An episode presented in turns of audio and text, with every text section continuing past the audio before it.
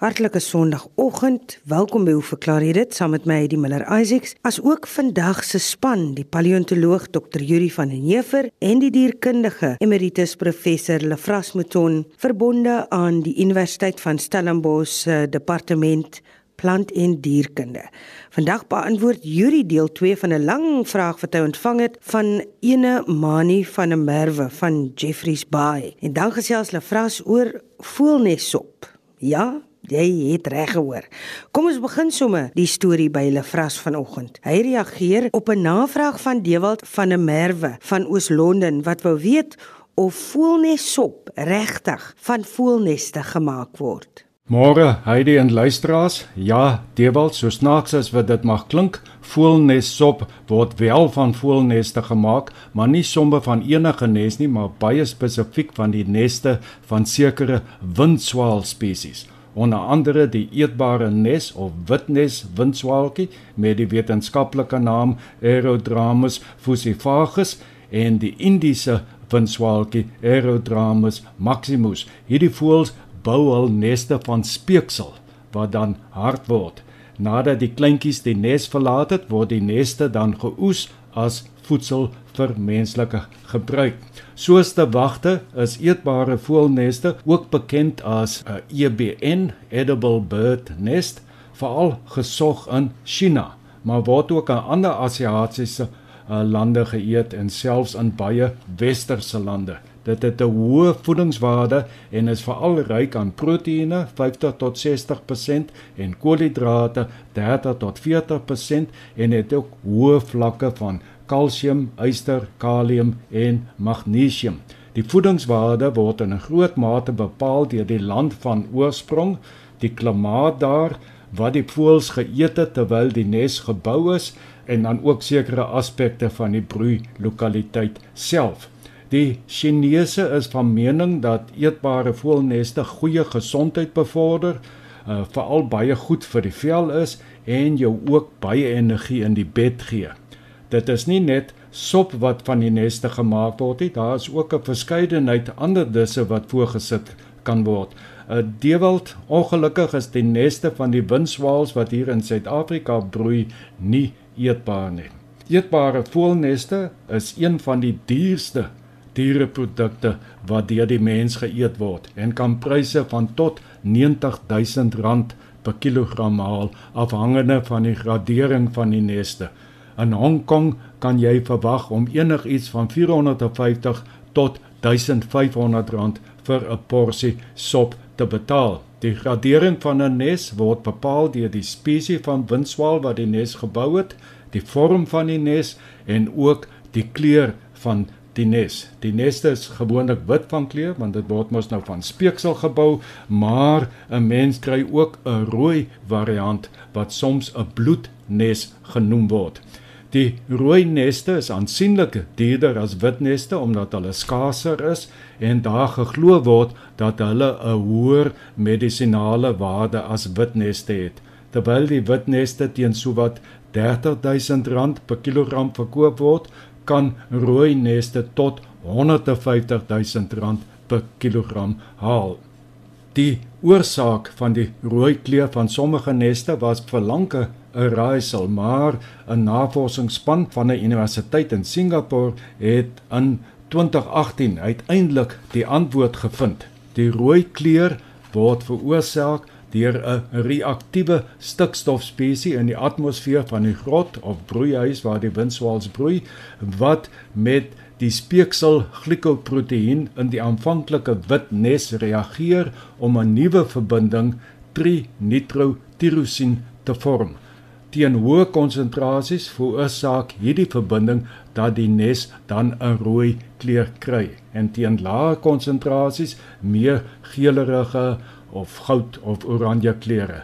Die navorsers het ook gevind dat die neste gereedelik nitriete en nitrate absorbeer tydens hierdie proses van verrooiing en dit verklaar dan die hoë konsentrasies van nitriete en nitrate in rooi neste. Nitriete en nitrate is bekend daarvoor dat hulle tot karsinogeniese verbindings kan lei wat beteken dat die neste wat nie wit is nie skadelik vir die gesondheid van die mens kan wees. Dit is dus dan nou eintlik ironies dat hierdie neste wat skadelik kan wees, die hoogste pryse op die mark behaal. Dit is eintlik van selfsprekend dat die hoë pryse wat wat rooi eh, eetbare neste en eetbare neste in die algemeen behaal sal lei tot vervalsings van beide neste en kleur en owerhede het hulle hande vol om hierdie vervalsings te beheer. Die hoë pryse lei natuurlik ook tot die onwettige oes van neste. Dit is nou voordat die kleintjies die nes verlaat het en dit kan natuurlik dan nou nadelige gevolge vir populasies inhou. Indonesië is die grootste eetbare nesproduseerder in Suidoos-Asië en voer sowat 2000 metrieke ton neste per jaar uit. Maleisië voer sowat 600 metrieke ton uit en Thailand 400 metrieke ton. Die Filippyne met sy 5 metrieke ton per jaar is die kleinste produseerder. Nou ek het inligting van 2014 en in daardie jaar het die die eetbare nesindustrie 0,5% van die Indonesiese bruto binnelandse produk uitgemaak wat gelykstaande is aan omtrent 'n kwart van die bydrae van die land se visindustrie. Globaal word die eetbare nes eh, bedryf geskat op 5 miljard Amerikaanse dollar. Die windswaalkies wat eetbare neste bou, bou in die natuur hul neste gewoonlik in grotte. Dit is die mannetjies wat die neste bou en dit neem ongeveer 35 dae om hierdie nes van speeksel te voltooi. Die vlak koppievormige nes word teen die vertikale wand van 'n grot of broeihuis gebou. Nou dit maak sin dat dit die mannetjies is wat die neste bou want dit vereis baie energie en die wyfies uh, moet hul energie spaar om die eiers te produseer.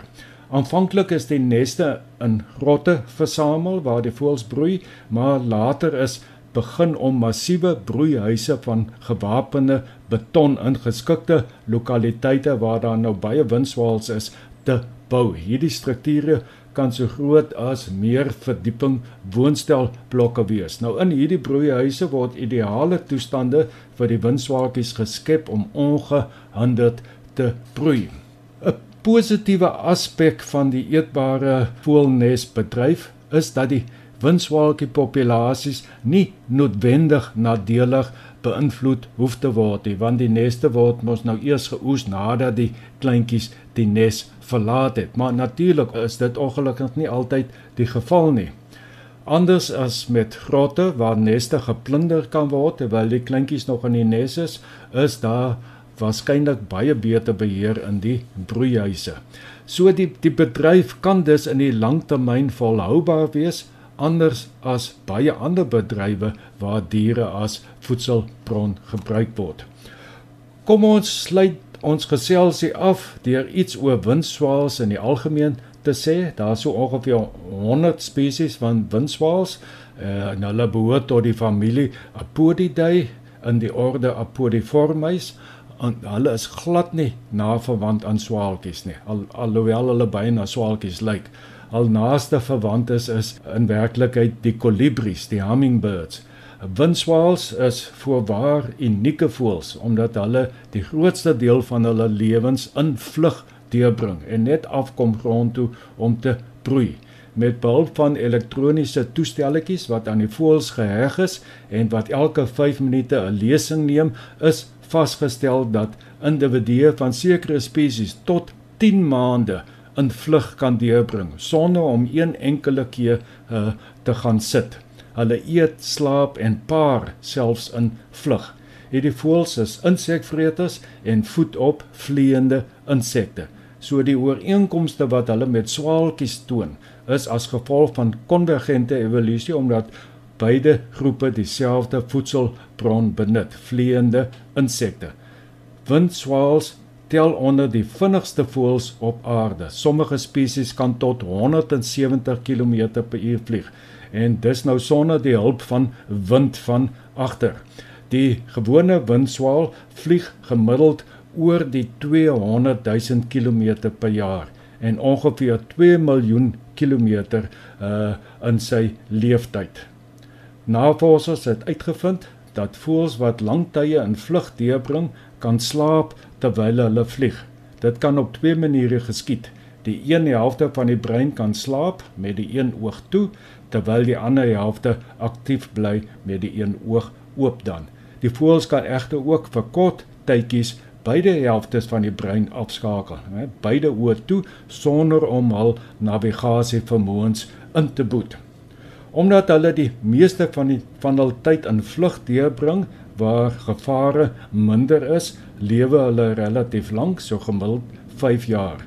Ou geboue, uh dis eintlik so uh, voor vooroorlogse geboue met toegang vir die windswaals tot daardie ruimtes onder die dakke maak vir hulle baie belangrike uh, broeiplekke uit. Maar soos hierdie geboue gerestoreer word en dakke ontoeganklik gemaak word, raak geskikte broeiplekke al hoe minder met gevolglike afnames in populasies.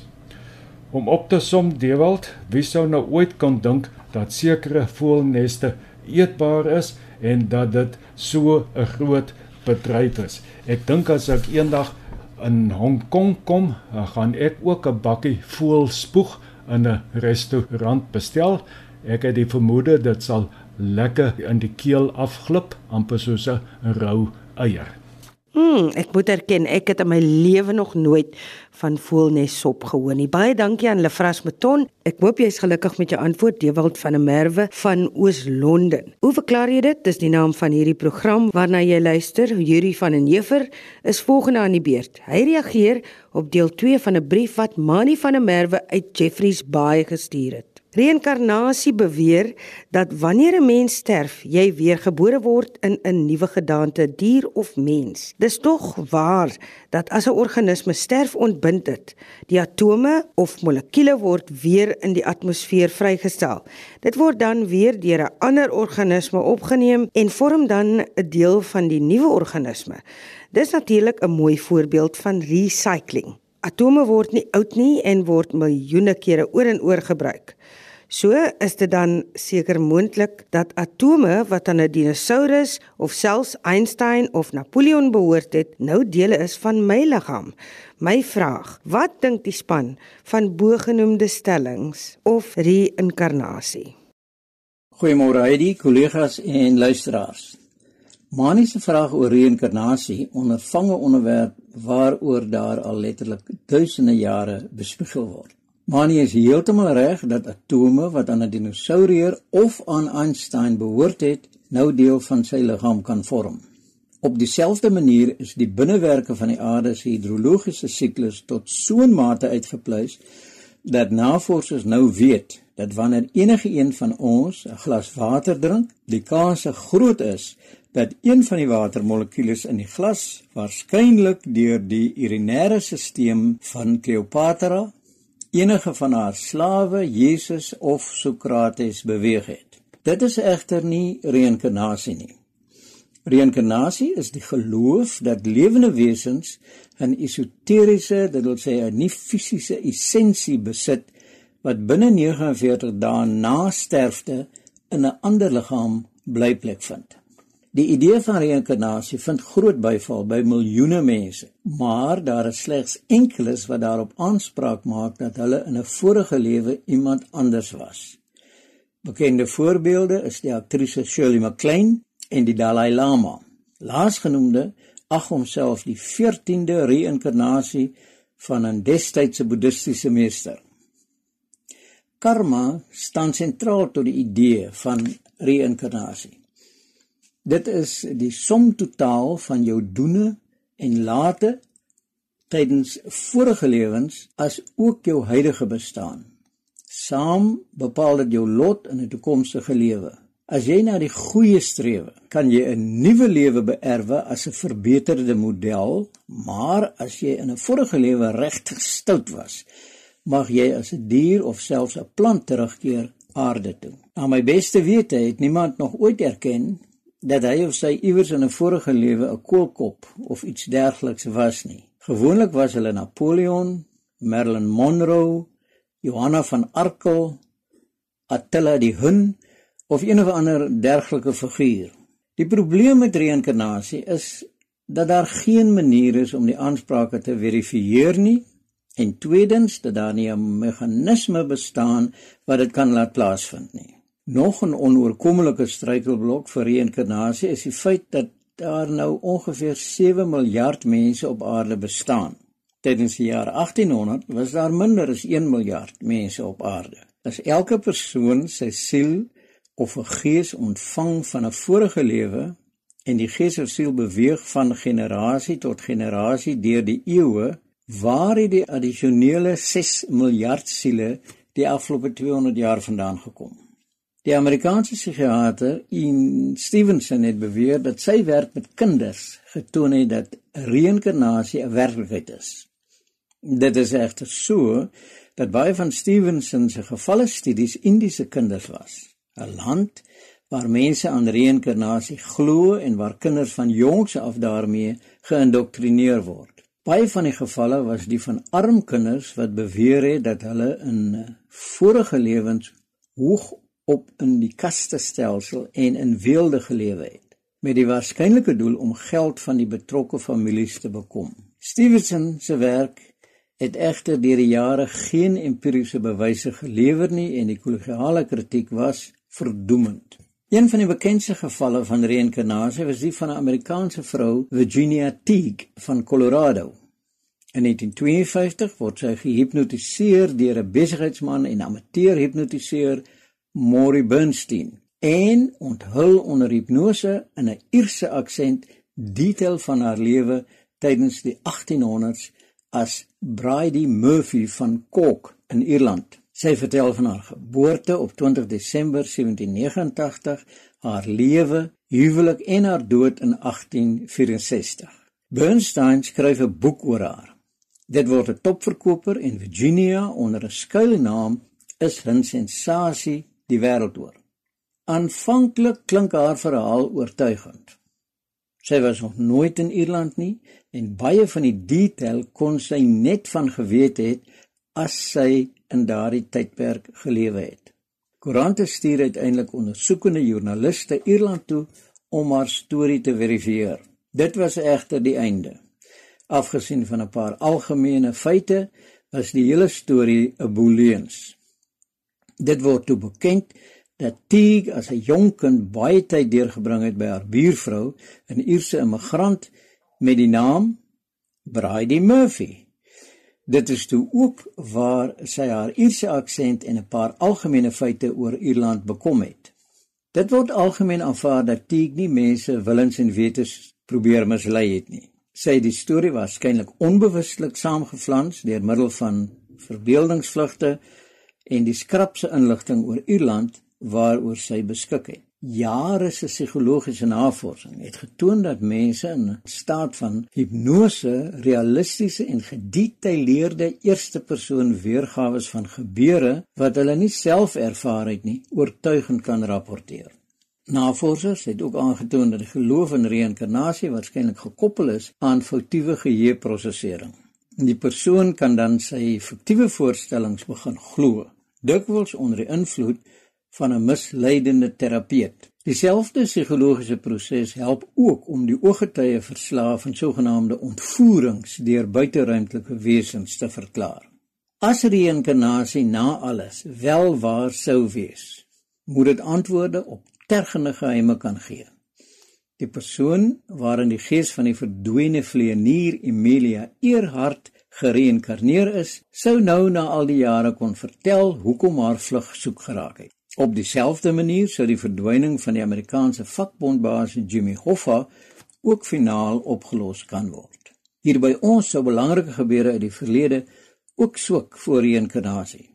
Soos waar die Kruger miljoene weggesteek is, wat die oorsaak van die Helderberg vliegramp was. Wie die teoloog Johan Heinz geskiet het en waarom Robert Smit, bestuurende direkteur van Santam en sy vrou Jean Cora in 1977 wreed in Pretoria uitgewis is. Stevenson het ook in 'n poging om reïnkarnasie te bewys 'n kombinasieslot in 'n kabinet in sy kantoor geplaas met die belofte dat wanneer hy na sy afsterwe gereïnkarneer word, hy die kombinasie bekend sou maak. Hy is in 2007 oorlede en die afgelope 13 jaar lê die slot onaangeraak. Indien reïnkarnasie wel bestaan, is hy dalk gereïnkarneer as iets wat nie kan praat nie, miskien selfs 'n koelkop. Baie dankie vir hierdie interessante vraag. Ek bedank vandag se kenners, emeritus professor Lefras Beton en Dr. Yuri van den Heever. Aanstaande week gesels ons weer en dit behoort ook heel interessant te wees want dan verklaar ons die haarkleurverandering van 'n luisteraar se kinders. Hoop jy luister dan weer saam.